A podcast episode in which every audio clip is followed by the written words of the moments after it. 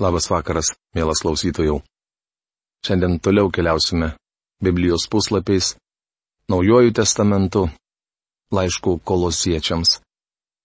Šiandien toliau žvelgsime praėjusioje laidoje pradėtą temą - Kristaus asmuo. Prieš pradėdamas teksto apžvalgą norėčiau paprašyti Dievo vedimo šitam darbui. Po to aš perskaitysiu praėjusioje laidoje jau išnagrinėtą mūsų eilutę ir mes tęsime apžvalgą. Dangiškasis tėve, dėkojame tau, kad turime prieimą prie tavęs Kristuje Jėzuje tavo sūnuje, kuris yra šiandien tavo aukštybės dešinėje kaip permaldavimas už mūsų nuodėmes. Dėkojame tau, kad tu žvelgiai mūsų viešpate jame. Ir dėkojame tau už tavo brangų žodį, kurį tu išsaugojai iki šių laikų. Dėkojame tau, kad to žodžio dvasę galime suprasti tik tai pavesdami save į tavo rankas. Viešpatė, tu matai mūsų gyvenimus, matai mūsų suklydimus, mūsų jausmus ir emocijas viešpatė ir tai, kas juos sukelia. Dangaus Dieve mes žinome, kad mes gyvename tavo suverenioje visatoje, kur tu esi valdovas. Ir visa, kas sukurta tavo sūnui tau, tėve. Ačiū tau už tai, kad tai žinodami galime ateiti prie tavo malonės ir gailestingumo sosto. Šį vakarą norime išmokti tai, ką tu esi mums paruošęs. Dėkoju tau, tėve, kad tu padedi mums atidėti viską į šalį. Ir kad netrukdytų mūsų pašalinės mintys ir darbai, ir mes išgirstume tave prabylantį į mūsų širdis. Pameldžiu Jėzaus vardu. Amen. Taigi Kristaus asmuo. Jis yra neregimojo Dievo atvaizdas, visos kūrinijos pirmagimis. Tai išnagrinėta praėjusioje laidoje kolosiečiams laiško pirmos kiriaus penkioliktą eilutę. Skaitykime toliau. Apaštalas Paulius užrašė dar du reikšmingus teiginius nes jame sukurta visa, kas yra danguje ir žemėje, kas regima ir neregima, ar sostai, ar viešpatystės, ar kunigaikštystės, ar valdžios. Visa sukurta per jį ir jam. Kolosiečiams laiško pirmos kiriaus 16 eilutė. Trečia. Jame sukurta visa arba, kaip verčia, kostas burbulys, juo sutverta visa. Jei visa buvo sukurta jame, nelieka jokio pagrindo abejoti tuo, kad jis ne kūrinys, o kūrėjas. Teiginys, kad viešpats Jėzus yra visos kūrinijos pirmagimis, rodo ne tai, kad jis buvo sukurtas, bet kad jis visą sukūrė. Kūrinyje galima suskirstyti į dvi rūšis - kas regima ir neregima. Labai įdomu, kad Paulius paminė skirtingus dvasinių būtybių laipsnius - sostus, viešpatystes, kunigaikštystes ir valdžias. Angelų kareivijos suskirstytos pagal laipsnius. Kitose šventojo rašto eilutėse sakoma, kad egzistuoja serafai, kerubai ir arkangelai. Be jų dar yra gausybė paprastų angelų. Laiškė Efeziečiams parašyta, kad mūsų priešas dvasinis. Šetonas turi dvasinę kariuomenę, kartu su juo sukilusią prieš Dievą. Taigi laipsniškumas egzistuoja ir mūsų dvasinių priešų gretose. Ketvirta. Nuostabu žinoti, jog visa buvo sukurta Kristuje. Tačiau čia mums atskleidžiama ir kita tiesa. Visa buvo sukurta jam. Jei išeitumėte šį vakarą į lauką ir pažvelgtumėte į dangų, išvystumėte žvaigždės. Žinoma, jei dangus virš jūsų neapsiniaukęs. Prieš daugelį metų išminčiai, pažvelgę į dangų, pastebėjo ypatingą žvaigždę.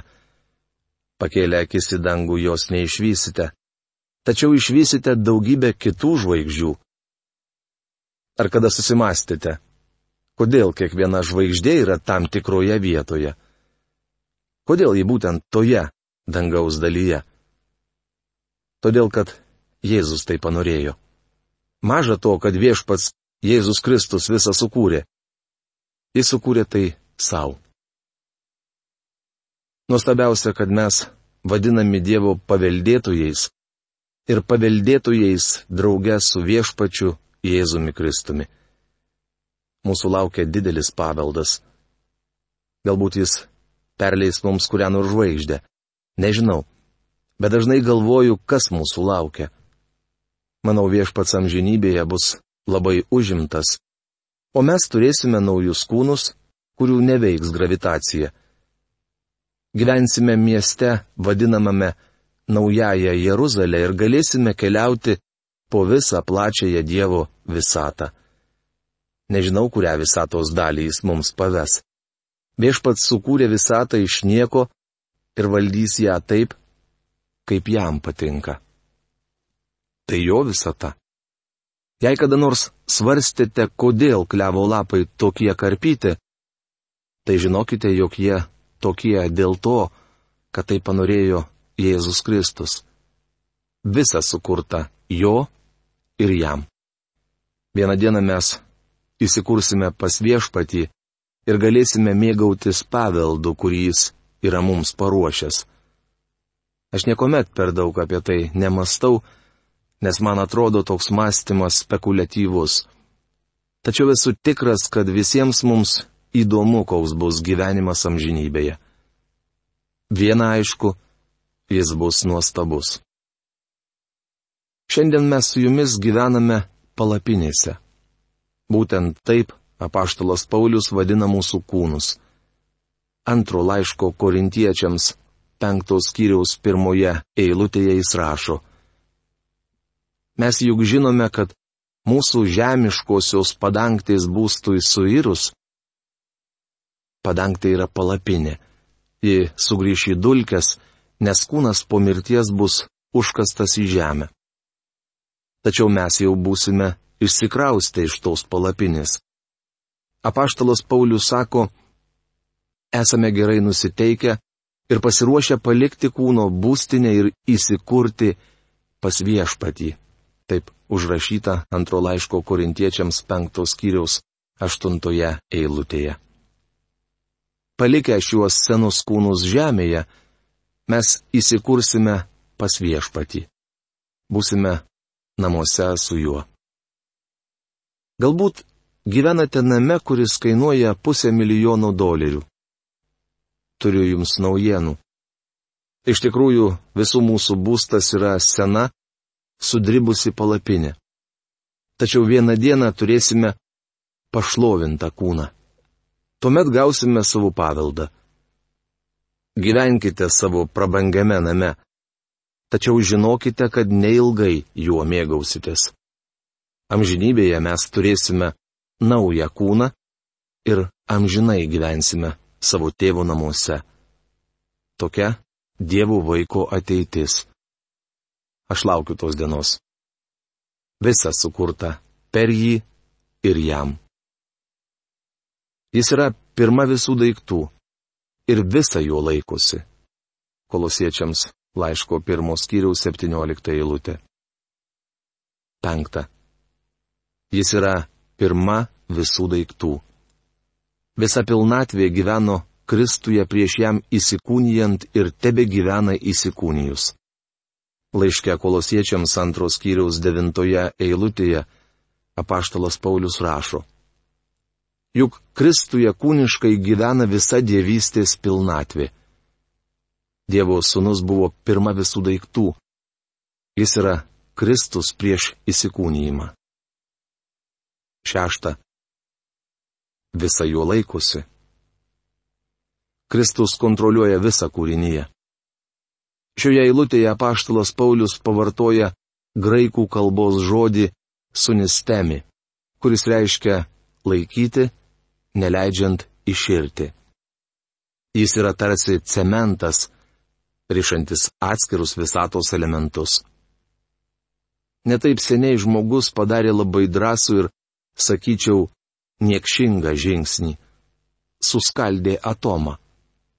Viešpats Jėzus, sukurdamas atomą, surišo mažas dalelytės į vieną visumą. Tačiau žmogus suskaldė atomą, paleisdamas į laisvę milžinišką jėgą. Ar kada susimastėte, kokia gale slypi mažuose šios visatos atomuose?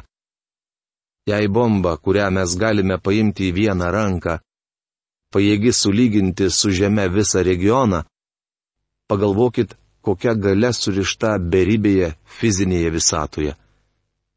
Kas visą tai laiko?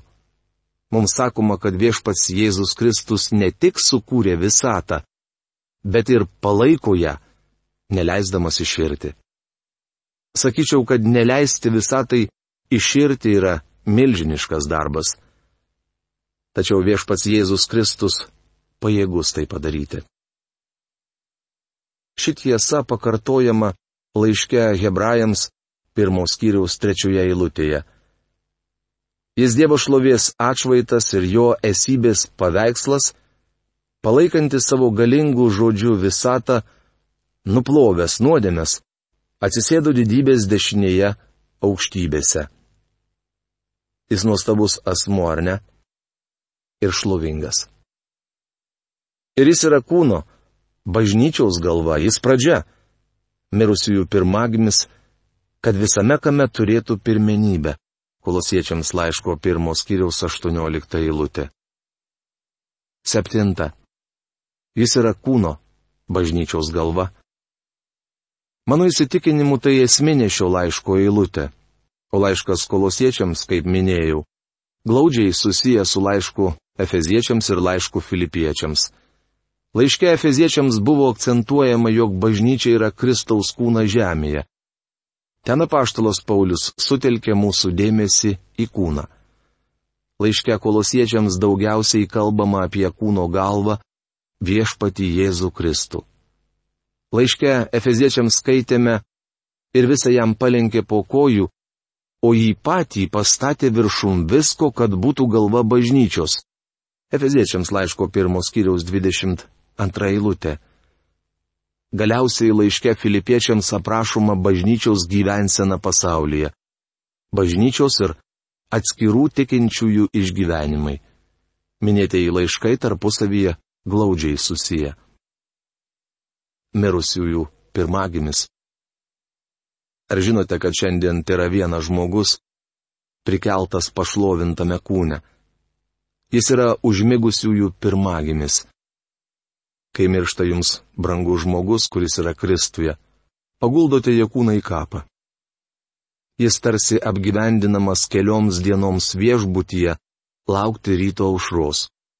Kūnas užmiega, o pats žmogus iškeliauja pas viešpatį.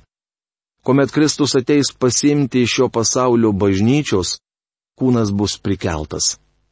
Kokiu pagrindu? Kristaus prisikelimu.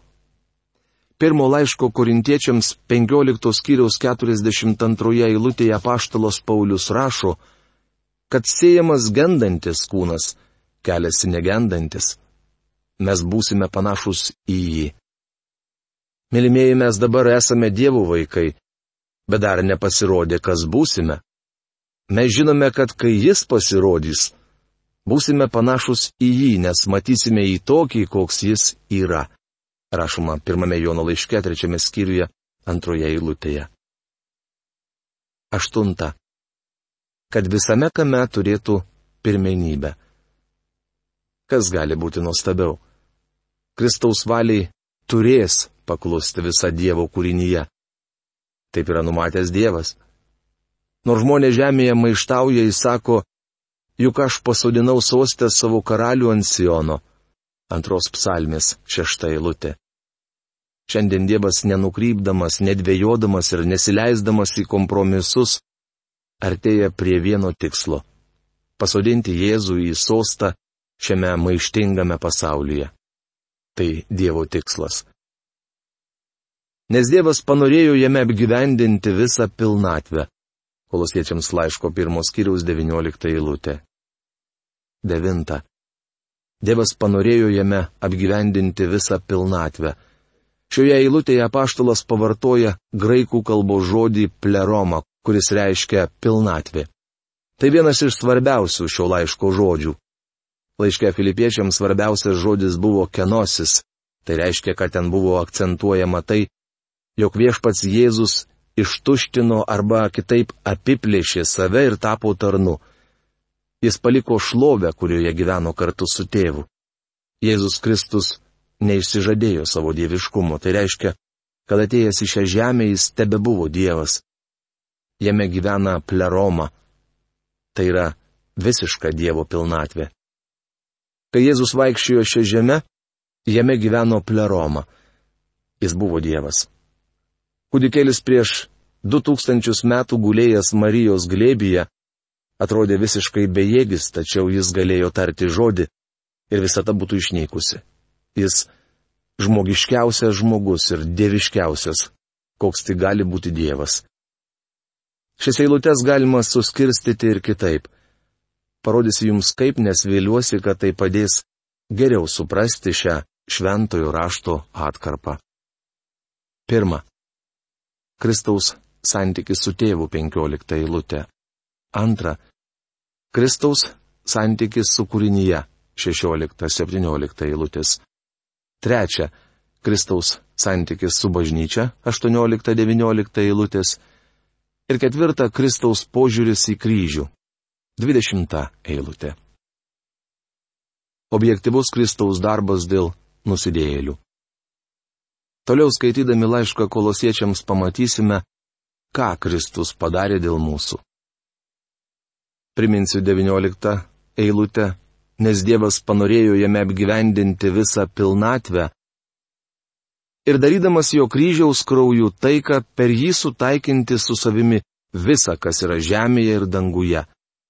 Kolosiečiams laiško pirmos kiriaus 20 eilutė. Darydamas jo kryžiaus kraujų taiką reiškia, kad jis numirė ant kryžiaus, prisimdamas bausmę už jūsų ir mano nuodėmės, sutaikindamas Dievas su nusidėjėliu. Šiandien Dievas nesako žmogui, klausyk žmogau, nenoriu turėti su tavimi nieko bendro. Tu sukilai prieš mane, esi nusidėjėlis, todėl aš priverstas tave nubausti. Ne. Šiandien pražuvusiam nusidėjėliui Dievas kalba ką kitą. Jis sako jums ir man, aš jau iškentėjau bausmę, užmokėjau kainą už visas tavo nuodėmes. Noriu, kad žinotumai, jo gali pas mane ateiti. Jėzus Kristus padarė taiką. Tau tai reikia atsigręžti į mane ir ateiti pas mane. Štai ką turėjo omenyje Paulius rašydamas. Taigi, nuteisinti tikėjimu, gyvename taikoje su Dievu per mūsų viešpati Jėzų Kristų. Romiečiams laiško penktos kiriaus pirmą eilutę. Tai, ką padaryta jo kryžiaus krauju.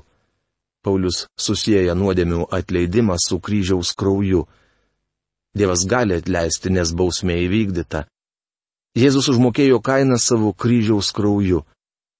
Tik todėl teisusis Dievas gali jums atleisti. Dievas nėra nesukalbamas kaimynas, tykantis nusidėlio už kampo, kad galėtų jį užsipulti ir dėl ko nors apkaltinti. Jis laiko ištiesęs rankas ir sako, ateik, ir aš duosiu tau atpirkimo atilsį. Per jį sutaikinti su savimi visą.